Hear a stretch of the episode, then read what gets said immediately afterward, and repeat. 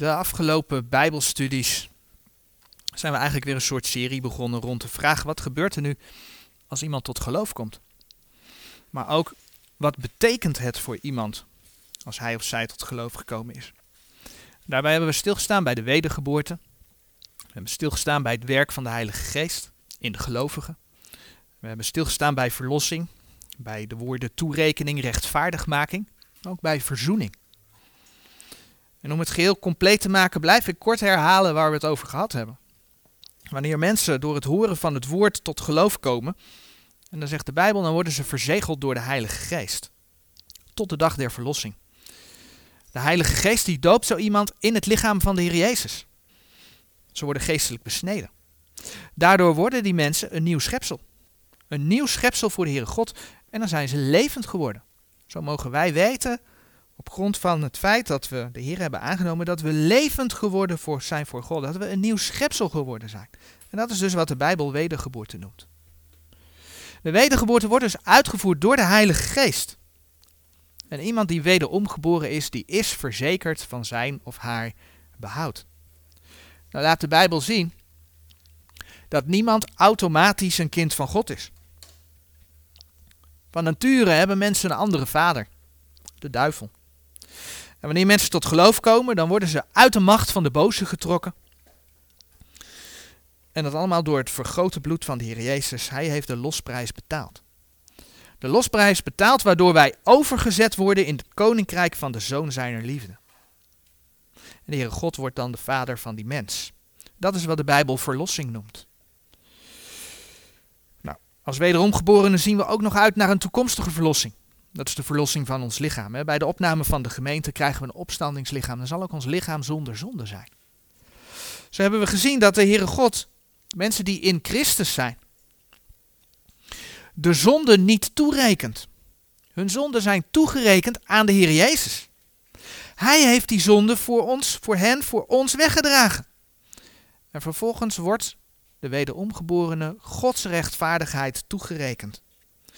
En op basis daarvan, zegt Gods woord, heeft de Heere de mens met zichzelf, de gelovige met zichzelf verzoend. En dan betekent die verzoening dat de relatie met God veranderd is van vijandschap in vrede. De wederomgeboren gelovige heeft vrede met God. Maar dat maakt ook, en daar hebben we de laatste keer ook nog bij stilgestaan, dat wij van de Heere God de bediening der verzoening gekregen hebben. We mogen onze voeten schoeien met de bereidheid van het evangelie en onze leden goden tot wapenen der gerechtigheid stellen. Om mensen toe te roepen, laat u met God verzoenen. Maar dan is er nog een ander woord. Dat weer een ander aspect laat zien van wat er met een mens gebeurt die tot geloof komt. En dat gaat om het woordje aanneming. En daar willen we vanmorgen bij stilstaan. En allereerst willen we dan een gedeelte lezen het gedeelte wat ik net genoemd heb, Galaten 4, de eerste zeven versen. Doch ik zeg, zolange tijd als de erfgenaam een kind is, zo verschilt hij niets van een dienstknecht, hoewel hij een heer is van alles. Maar hij is onder voogden en verzorgers tot de tijd van de vader tevoren gesteld. Alzo wij ook, toen wij kinderen waren, zo waren wij dienstbaar gemaakt onder de eerste beginselen der wereld. Maar wanneer de volheid des tijds gekomen is, heeft God zijn zoon uitgezonden, geworden uit een vrouw, geworden onder de wet. Opdat hij degene die onder de wet waren verlossen zou. En opdat wij de aanneming tot kinderen verkrijgen zouden. En overmits gij kinderen zijt, zo heeft God de geest zijn zoons uitgezonden in uw harten, die roept, Abba, Vader. Zo dan, gij zijt niet meer een dienstknecht, maar een zoon. En indien gij een zoon zijt, zo zijt gij ook een erfgenaam Gods door Christus. In dit gedeelte wordt heel duidelijk een verschil gemaakt tussen kinderen die nog niet volwassen zijn en daarmee onder hun ouders staan als voogden en verzorgers. En aan de andere kant volwassen kinderen met eigen verantwoordelijkheden. Alhoewel een kind een heer is van alles, verschilt hij dus niets van een dienstknecht. Dat is wat we net gelezen hebben. Totdat het kind als een volwassen zoon gezien wordt. En dat is, zegt Gods woord in Galaten 4 vers 2, tot de tijd van de vader tevoren gesteld. En dan zien we in deze verse de woorden kind en zoon apart genoemd. Maar het blijkt dat het in feite ook ja, twee aparte dingen zijn. Het is niet overal heel duidelijk, maar in dit gedeelte vinden we het kind dat onder de ouders staat als een dienstknecht en de volwassen zoon. In Gelaten 4, vers 6 en 7, daar lezen we: En overmits gij kinderen zijt, zo heeft God de geest zijn zoons uitgezonden in uw harten, die roept Abba, Vader. Zo dan gij zijt niet meer een dienstknecht, maar een zoon. En indien gij een zoon zijt, zo zijt gij ook een erfgenaam Gods door Christus. Een mooi voorbeeld van een kind dat een heer is van alles, terwijl hij niets verschilt van een dienstknecht, vinden we in de geschiedenis, die in feite vanmorgen al ter sprake is gekomen, van Abraham. Abraham die zijn dienstknecht Eliezer uitzendt om een bruid voor zijn zoon Isaac te vinden. In Genesis 24, daar lezen we dat alhoewel Isaac de zoon was, dat er over Eliezer het volgende staat geschreven. Genesis 24, vers 2.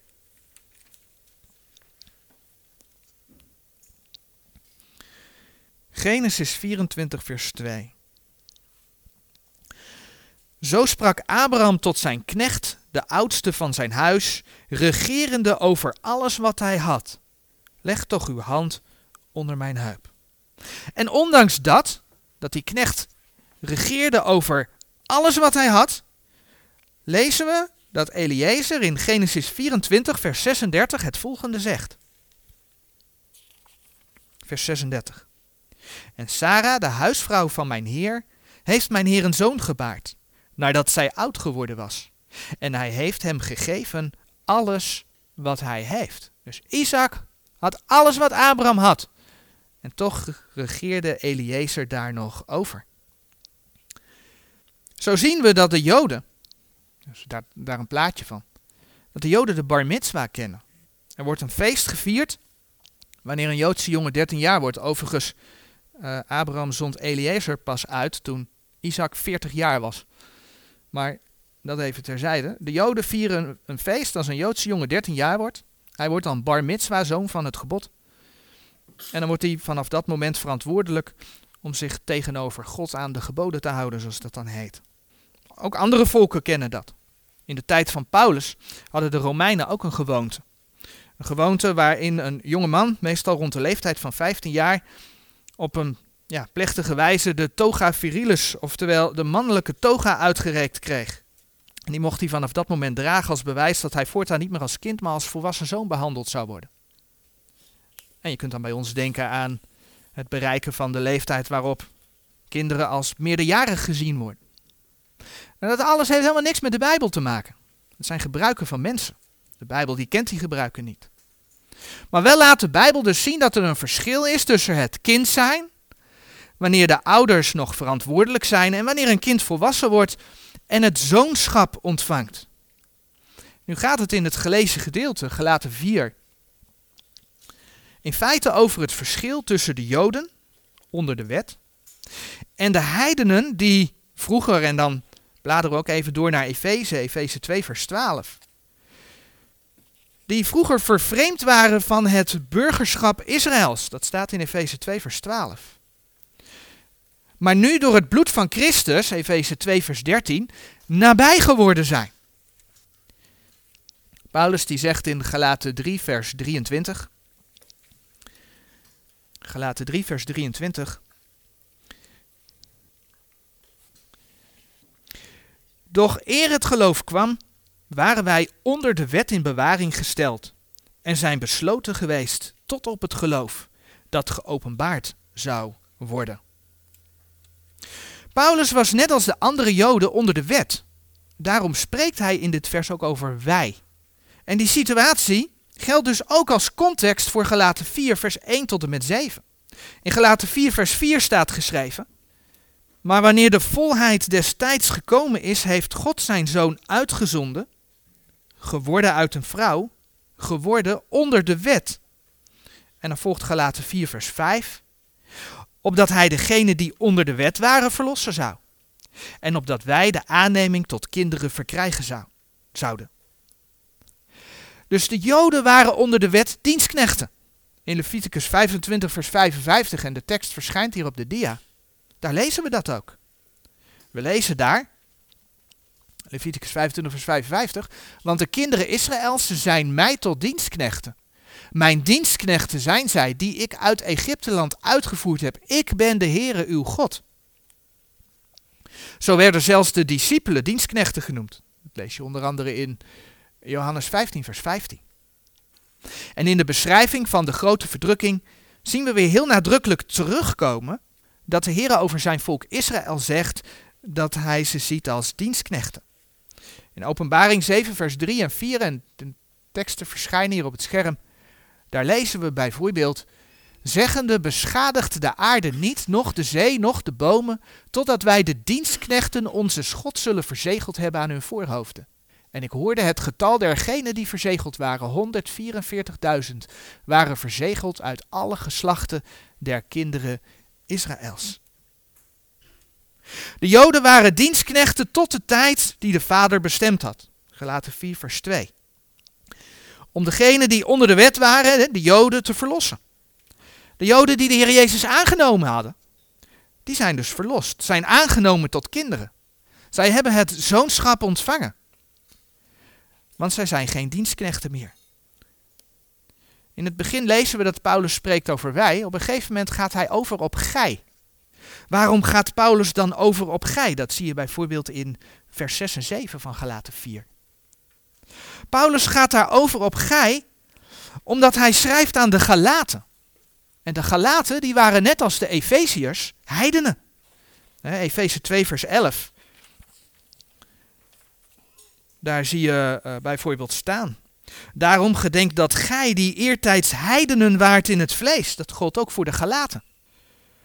En de Galaten zijn dus, net als de Efeziërs, in de Heer Jezus, Efeze 2 vers 19, niet meer vreemdelingen en bijwoners, maar medeburgers der heiligen en huisgenoten Gods.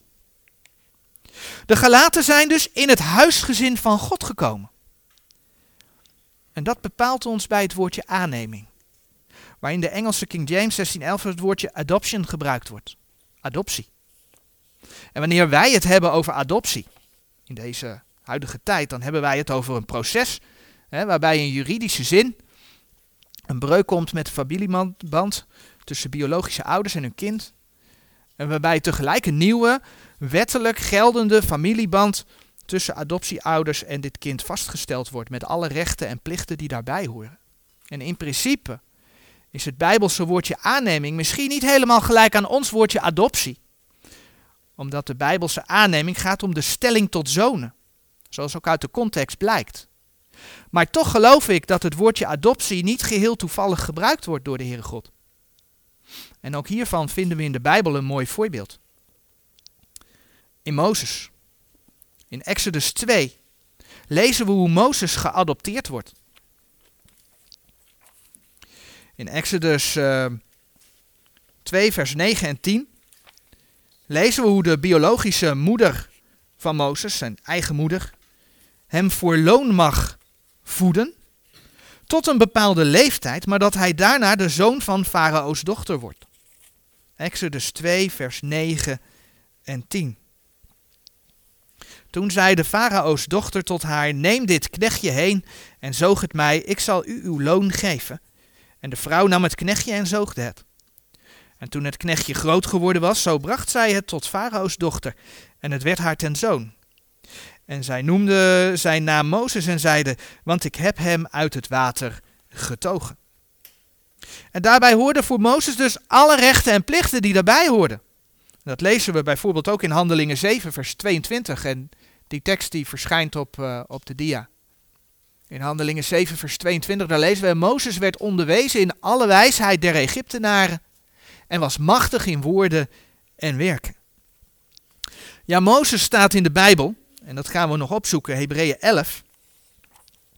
Mozes die had de beschikking kunnen hebben over alle schatten van Egypte. Alleen Mozes maakte een andere keus. Hebreeën 11, vers uh, eh, 24. Hebreeën 11. vers 24. Door het geloof heeft Mozes nu groot geworden zijnde, geweigerd een zoon van Farao's dochter gedaan te worden. Verkiezende liever met het volk Gods kwalijk behandeld te worden, dan voor een tijd de genieting der zonde te hebben. Achtende de versmaadheid van Christus meerdere rijkdom te zijn dan de schatten in Egypte. Want hij zag op de vergelding des loons. Terug naar ons. Als het om de heidenen gaat, als het om ons uit de heidenen gaat, komen wij wel degelijk uit een hele andere familie. Overigens, ook Joodse mensen, en dan spreek ik nu niet over het volk als het volk van God, als natie Israël, maar over de individuele Joden, staan net als de heidenen van nature onder de overste van de macht der lucht. Efeze 2, vers 2. Dus wanneer wij één zijn geworden in Christus, zoals we in Galaten 3 lezen. Galaten 3, vers 27 en 28.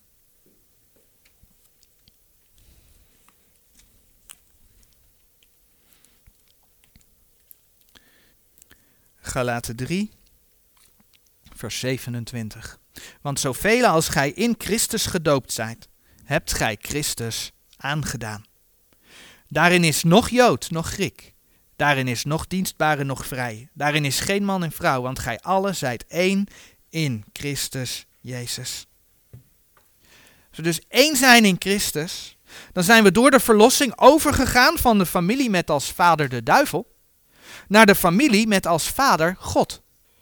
Door de wedergeboorte worden wij in principe kinderen van God, maar door de aanneming ziet de Heer ons ook direct als volwassen zonen Gods. En omdat wij als heidenen zo in Christus nabijgekomen zijn, gaat Paulus in Galaten 4, vers 6 en 7 dus verder met gij. Hij spreekt de Galaten aan, de gelovigen uit de heidenen. En overmits gij kinderen zijt, zo heeft God de geest zijn zoons uitgezonden in uw harten. Die roept Abba Vader. Zo dan, gij zijt niet meer een dienstknecht, maar een zoon. En indien gij een zoon zijt, zo zijt gij ook een erfgenaam Gods door Christus. Door de wedergeboorte zijn we kinderen Gods. Hebben we zijn geest ontvangen, die door ons heen roept Abba Vader. En de Heilige Geest wordt dan ook wel de geest der aanneming tot kinderen genoemd. In Romeinen 8 vers 15, de tekst die verschijnt hier op de dia. Daar lezen we. Want gij hebt niet ontvangen de geest der dienstbaarheid wederom tot vrezen, maar gij hebt ontvangen de geest der aanneming tot kinderen, door welke wij roepen Abba, Vader. Maar dat betekent dus dat daar waar er in de maatschappij een tijd overheen gaat, voordat een kind als volwassen gezien wordt, de Heere God een wederomgeborene direct als volwaardig kind van God ziet. Ook al is de praktijk niet altijd zo, hè? Want uh, in 1 Korinthe 3 vers 1, daar lees je dat Paulus moet zeggen dat hij de Corinthiërs aanspreekt als jonge kinderen in Christus. Dus de praktijk is niet altijd zo. Maar de Heere ziet zijn kinderen als volwaardige kinderen, als volwassen kinderen, als volwassen zonen. Dat is onze positie. Daar gaat geen tijd overheen. De Heilige Geest die de gelovige ontvangen heeft, is de geest der aanneming. En de gelovige is daartoe voorbestemd. In Efeze 1, vers 3. Daar lezen we.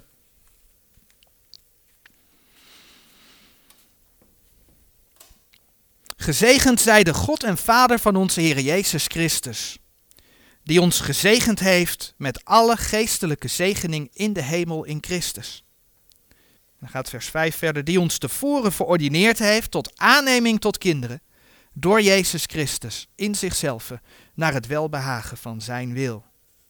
Deze voorbestemming of uitverkiezing, zoals Efeze 1 vers 4 zegt, heeft niets te maken met het behoud van de gelovigen.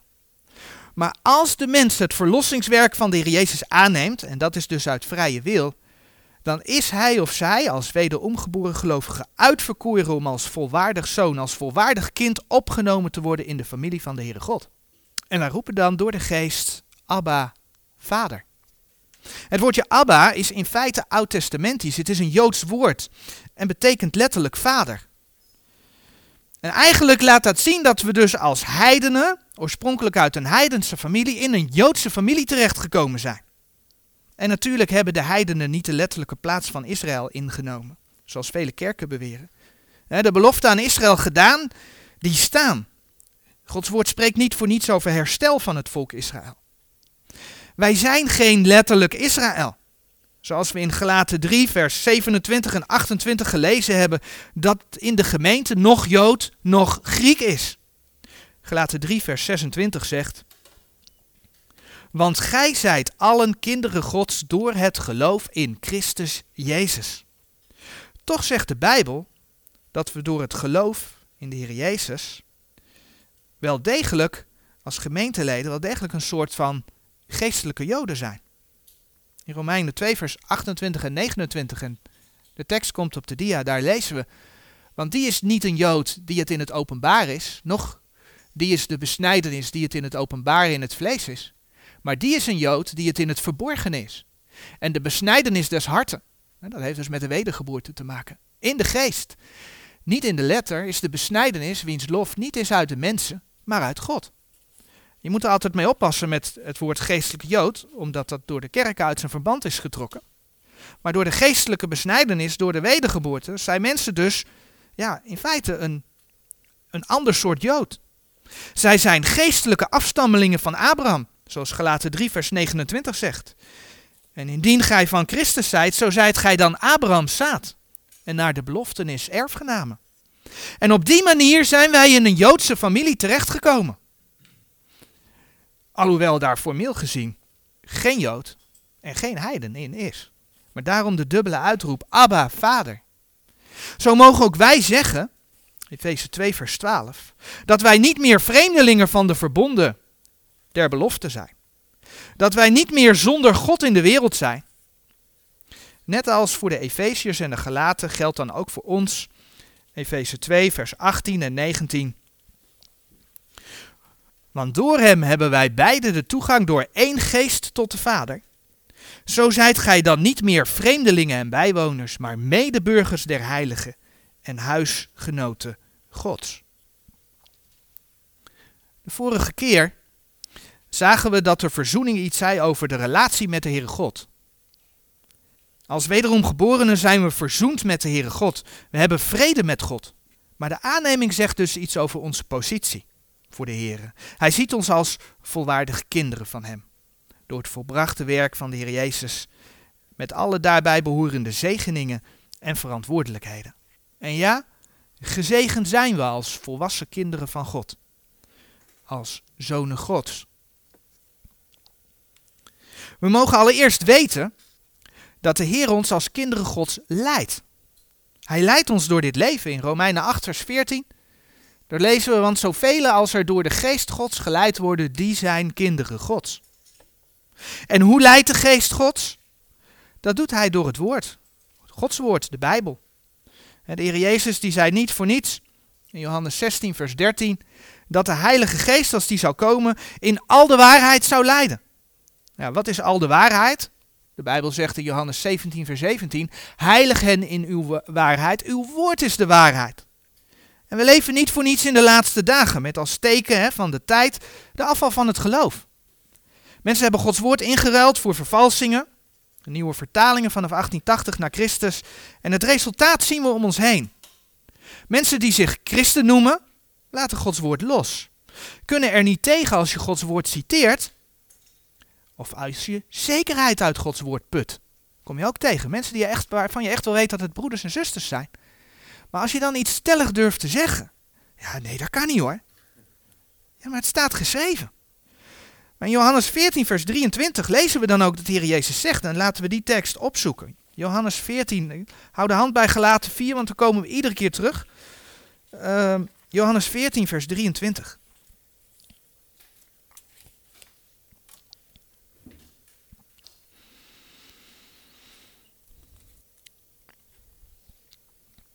Johannes 14, vers 23. Jezus antwoordde en zeide tot hem: Zo iemand mij lief heeft, die zal mijn woord bewaren. En mijn vader zal hem lief hebben, en wij zullen tot hem komen en zullen woning bij hem maken. Vandaar ook dat we bijvoorbeeld in 1 Johannes 2 vers 5, en die tekst verschijnt weer op de dia, lezen. Maar zo wie zijn woord bewaart, indien is waarlijk de liefde Gods volmaakt geworden. Hieraan kennen wij dat wij in hem zijn. Een kind van God herken je aan zijn omgang met het woord van God. Dus de Heere leidt het kind van God. Hij leidt ons, omdat hij ons lief heeft. En dan zeg je, ja, dat weet ik wel. want heel veel hedendaagse evangelisatiecampagnes, die roepen, God heeft u lief, kom tot hem. Weet je dat dat een leugen is? Als je dat in een evangelisatiecampagne brengt. Een evangelisatiecampagne is in de eerste plaats namelijk gericht op mensen die tot geloof moeten komen. Daarvoor ga je evangeliseren. Of gelovigen die misschien wel naar een kerk gaan, maar nooit persoonlijk de Heer hebben aangenomen. Want dat kom je heel veel tegen. Want je kunt wel naar een kerk gaan. Maar als je de Heer niet persoonlijk hebt aangenomen, dan ben je in bijbels opzicht ben je ongelovig. Ben je niet wederom geboren. En weet je wat de Heere God van de mens zegt? Het klinkt misschien hard, maar het is de waarheid van Gods woord. God zegt niet, ik heb de mens lief, de mens van nature. God zegt, ik haat de zondaar. Het staat in de Bijbel. Laten we het opzoeken in Psalm 11. Psalm 11.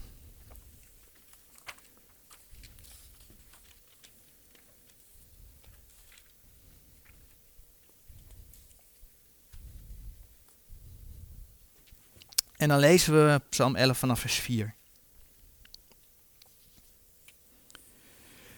De Heere is in het paleis zijner heiligheid. Des Heere troon is in de hemel, zijn ogen aanschouwen. Zijn oogleden proeven de mensenkinderen. De Heere proeft de rechtvaardige, maar de goddeloze en dien die geweld lief heeft, haat zijn ziel. Hij zal op de goddeloze regenen, strikken, vuur en zwavel en een geweldige stormwind zal het deel huns bekers zijn. Want de Heer is rechtvaardig, hij heeft gerechtigheden lief, zijn aangezicht aanschouwt de oprechte. Nu weten we dat er niemand rechtvaardig is. Maar in de Heer Jezus mogen we als wederomgeborenen Gods rechtvaardigheid dragen. Daar hebben we de vorige Bijbelstudie bij stilgestaan. En dan zien we dus dat de Heer in Psalm 11, vers 5 zegt: Maar de goddeloze en dien die geweld lief heeft, haat zijn ziel. Dat is wat Gods woord zegt. En dan zien we dat dat direct gekoppeld is aan Gods toren, die hij in de grote verdrukking over de aarde zal laten gaan. Want vergelijk vers, um, vers 6, dat hij uh, regenen zal strikken van vuur en zwavel. Vergelijk dat maar eens uh, met uh, Openbaring 8, vers 7. En Openbaring 9, vers 17. En Openbaring 14, vers 10. Dat gaat over de grote verdrukking. Wanneer zijn toren over de aarde gaat. Maar ook over het laatste oordeel. En het is dan ook niet voor niets dat Johannes 3, vers 36 zegt, en die tekst verschijnt hier op de dia, die in de zoon gelooft, die heeft het eeuwige leven, maar die de zoon ongehoorzaam is, die zal het leven niet zien, maar de toren gods blijft op hem. Er is zo'n, ik noem het maar even, evangelisch gezegde, God haat de zondaar, uh, de zonde, maar heeft de zondaar lief. Maar hoe durven mensen dit andere mensen toe te roepen? Wanneer ze in Gods woord kunnen lezen dat God de goddeloze haat. Ja, maar dat is het Oude Testament, zeggen sommigen dan. Oh ja, Romeinen 9, vers 13 en 14. Daar vinden we het volgende geschreven. Gelijk geschreven is, Jacob heb ik lief gehad en Esau heb ik gehaat. Wat zullen zij dan zeggen? Is er onrechtvaardigheid bij God? Dat zij verre. Ja, het is een verwijzing naar het Oude Testament. Maar het is dezelfde God die in het Nieuwe Testament dus zegt dat hij haat. We hebben ook de tekst in Johannes 3, vers 36 gezien. Maar Johannes 3, vers 16. Johannes 3, vers 16 zegt toch dat God de wereld lief heeft? Nee, dat zegt Johannes 3, vers 16 niet. Laten we Johannes 3, vers 16 opzoeken. Johannes 3, vers 16 zegt.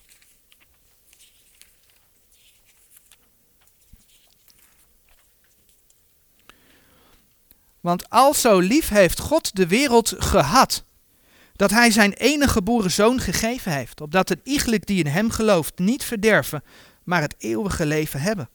Ja, God heeft uit liefde voor zijn schepselen zijn zoon gegeven. Dat is eenmaal gebeurd. Eenmaal. Er staat dan ook dat God de wereld lief heeft gehad. Dat is verleden tijd. Hij is voor de zonde van de mensen gestorven en in Jezus Christus wil de Heer God de mensen lief hebben. Maar buiten het plaatsvervangende offer van de Heer Jezus is er geen vrede met God. Buiten het plaatsvervangende offer van de Heer Jezus heeft God de wereld die zich in zonde baat niet lief. Maar haat hij de goddeloze en dien die geweld lief heeft. En dat hebben we in Psalm 11, vers 7 gelezen. Dat God niet alleen liefde is. Dat wordt vaak uit, uit de context gehaald. God is ook rechtvaardig. Dan lezen we het laatste vers van Psalm 11 nog. Want de Heer is rechtvaardig. Hij heeft gerechtigheden lief. Zijn aangezicht aanschouwt de oprechte. En dit, dat God de goddeloze haat, en daar gaan we zo mee verder, en zijn kind lief heeft, bepaalt ook wat wij brengen met bijvoorbeeld een boodschap als het gaat om een straatpreek. Je hoort mensen namelijk nog wel zeggen, ja, maar dan moet je wel voorzichtig zijn wat je brengt. Je kunt mensen zo snel afstoten. Maar het punt is dat we op straat in principe ongelovigen aanspreken. Of zoals ik net al zei, mensen die misschien wel naar de kerk gaan, maar vertrouwen op het feit dat ze als kindje gedoopt zijn. Of dat ze aan het avondmaal gaan. Of dat ze Eucharistie vieren. Of andere sacramenten. Maar de Bijbelse boodschap bestaat niet uit sacramenten die je doet om behouden te worden. De Bijbelse boodschap is dat mensen door de zonde verloren zijn. En dat Gods toren en oordeel daarover gaan komen. En dat er alleen in Jezus Christus redding is. De mens heeft een keus tussen hemel of hel. En dat is de boodschap van laat u met God verzoenen. U kunt vrede krijgen met God. Waarom kun je vrede met krijgen met God? Omdat je nu in vijandschap leeft met God. En natuurlijk kun je daaromheen vertellen over Gods woord, over schepping of evolutie, over het feit dat er maar één God is, over de tijd waarin we leven, om maar een paar voorbeelden te noemen.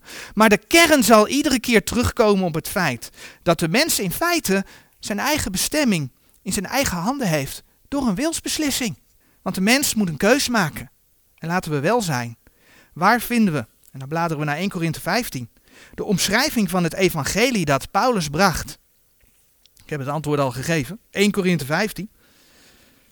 Het evangelie der genade Gods.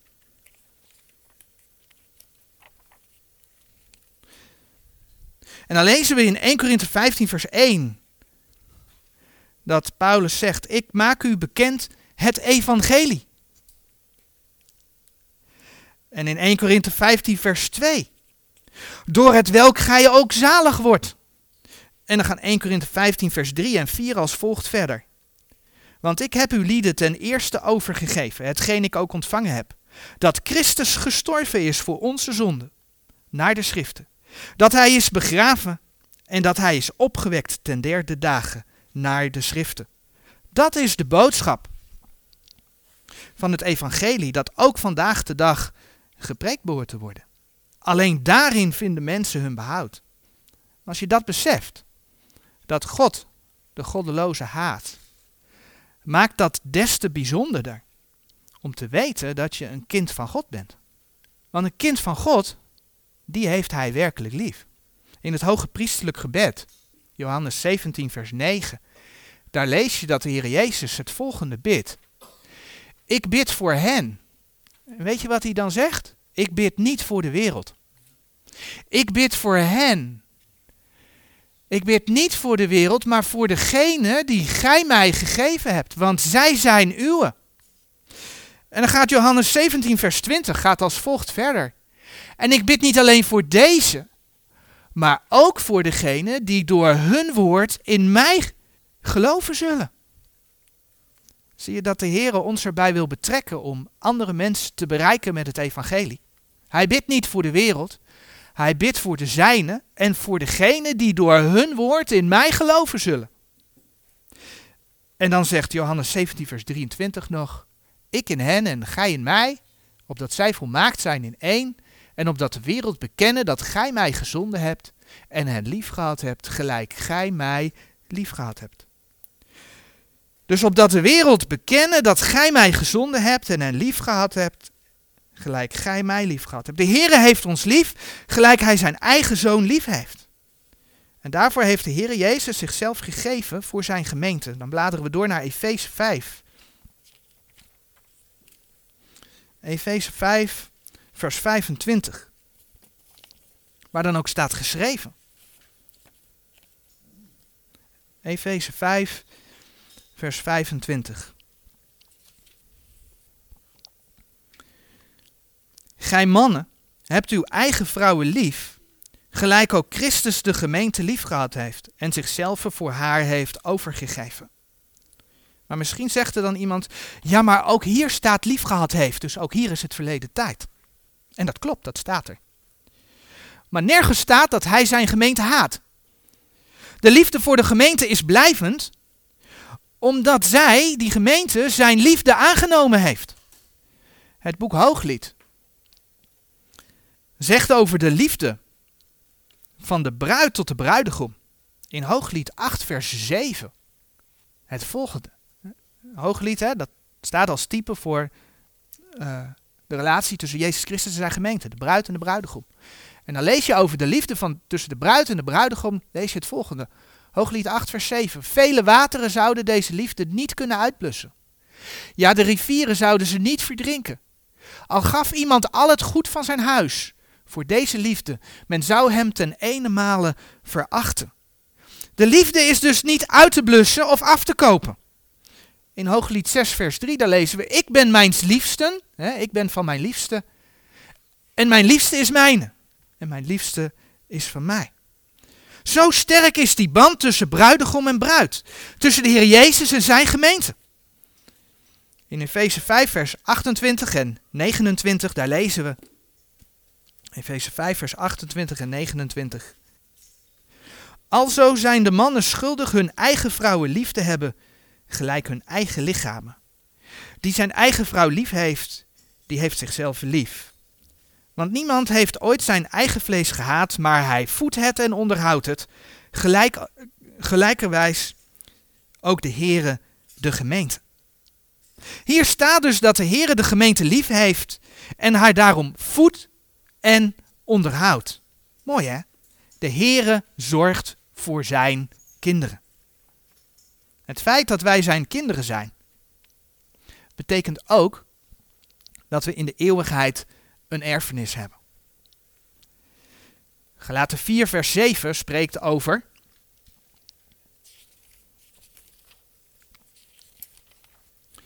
En indien gij een zoon zijt, zo zijt gij ook een erfgenaam Gods door Christus. Door Christus, door de Heer Jezus, hebben wij het eeuwige leven ontvangen. Krijgen wij een plaats in het nieuwe Jeruzalem. Krijgen wij een opstandingslichaam. Maar door de Heer Jezus Christus hebben wij ook recht op loon en kroon. Als wij dat verdienen. Dus ja, er wacht een erfenis op ons. Nog meer zegen dus voor de gelovigen. Maar wat ook bij die vaderlijke liefde hoort. En ja, dat is soms wel eens lastig is dat hij ons kastijdt, dat hij ons geestelt. In Hebreeën 12, vers 5 tot en met 7 lezen we daarover. Hebreeën 12, vanaf vers 5. Hebreeën 12, vanaf vers 5. En gij hebt vergeten de vermaning die tot u als tot zonen spreekt. Mijn zoon, acht niet klein de kastijding des Heren en bezwijkt niet als gij van hem bestraft wordt. Want dien de Heere lief heeft, kastijdt hij, en hij geestelt een iegelijke zoon die hij aanneemt. Indien gij de kastijding verdraagt, zo gedraagt zich God jegens u als zonen. Want wat zoon is er die de vader niet kastijdt?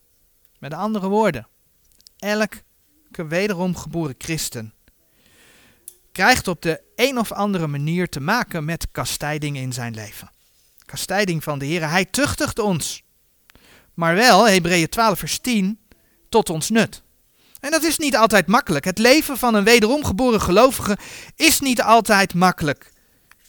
Maar vaak gebruikt de Heer wel moeilijke situaties om ons op het rechte pad te houden of om ons op het rechte pad te brengen.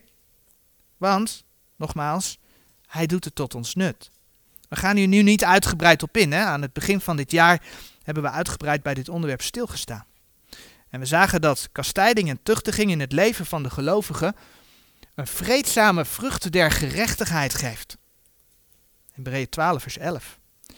Dus wetende dat de Heer uitkomst geeft, 1 Korinthe 10, vers 13, wetende dat Hij ons wil vertroosten, 2 Korinthe 1, vers 4, mogen we ons daaraan vasthouden en naar die vreedzame vrucht uitzien. Ons volwaardige kindschap of zoonschap zal pas volledig zijn wanneer wij ons opstandingslichaam krijgen. En dat is iets waar 1 Johannes 3, daar bladeren we als laatste naartoe. 1 Johannes 3, de versen 1 en 2 over schrijven.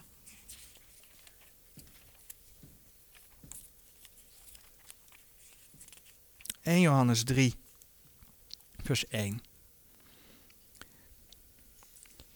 Ziet hoe grote liefde ons de Vader gegeven heeft, namelijk dat wij kinderen Gods genaamd zouden worden. Daarom kent ons de wereld niet, omdat zij Hem niet kent. Geliefden, nu zijn wij kinderen Gods. En het is nog niet geopenbaard wat wij zijn zullen.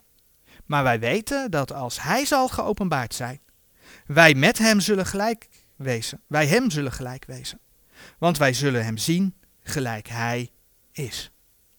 Hier zien we opnieuw de liefde van de vader voor zijn kinderen terugkomen. Maar we zien ook geschreven staan: Het is nog niet geopenbaard wat wij zijn zullen. En toch staat er geschreven, in datzelfde gedeelte: Nu zijn wij kinderen Gods. Dus ja, wij zijn kinderen Gods. Maar dat is vaak niet aan ons af te zien. Vaak zondigen we nog. Vandaar dat we ook lezen: Daarom kent ons de wereld niet. De wereld kent de Heere God niet en ziet aan wat voor ogen is. En dat leidt ertoe dat zij ons ja, niet zien als kinderen Gods. Maar we weten, dat is een belofte die de Heer geeft, dat als Hij ons komt halen, dat we ons opstandingslichaam krijgen en dat we Hem gelijk zullen wezen in Zijn toekomst. En hoe dat exact zal zijn, hoe dat eruit zal zien, dat kunnen wij nu nog niet zien. Dat kunnen we alleen in geloof aannemen op grond van Gods woord. En dat is de reden dat bijvoorbeeld Romeinen 8, vers 23 zegt: En niet alleen dit, maar ook wij zelf, die de eerstelingen des geestes hebben, wij ook zelf, zeg ik, zuchten in onszelf, verwachtende de aanneming tot kinderen, namelijk de verlossing van ons lichaam. Ja, wij zijn nu reeds kinderen van God, maar wij verwachten het moment dat dat ook zichtbaar zal zijn, dat het geopenbaard zal zijn. Geopenbaard doordat ons uiterlijke lichaam, dat lichaam zonder zonde is, dat opstandingslichaam is. Dan zullen wij geopenbaard zijn. Dat kun je vinden in Romeinen 8, vers 19. En dat is natuurlijk het moment dat wij met onze Here terug zullen komen. Want dan openbaart Hij zichzelf en zullen wij met Hem geopenbaard worden. Dus bij de opname van de gemeente krijgen we ons opstandingslichaam. In de hemel dragen wij weg wat aan werken niet voor Hem kan bestaan. Ook kunnen we loon en kroon krijgen als we dat verdiend hebben. En dan zullen we met Hem terugkeren om met Hem te regeren. Dan worden we eh, geopenbaard. En dan is voor iedereen zichtbaar dat wij kinderen God zijn. Tot zover voor vandaag.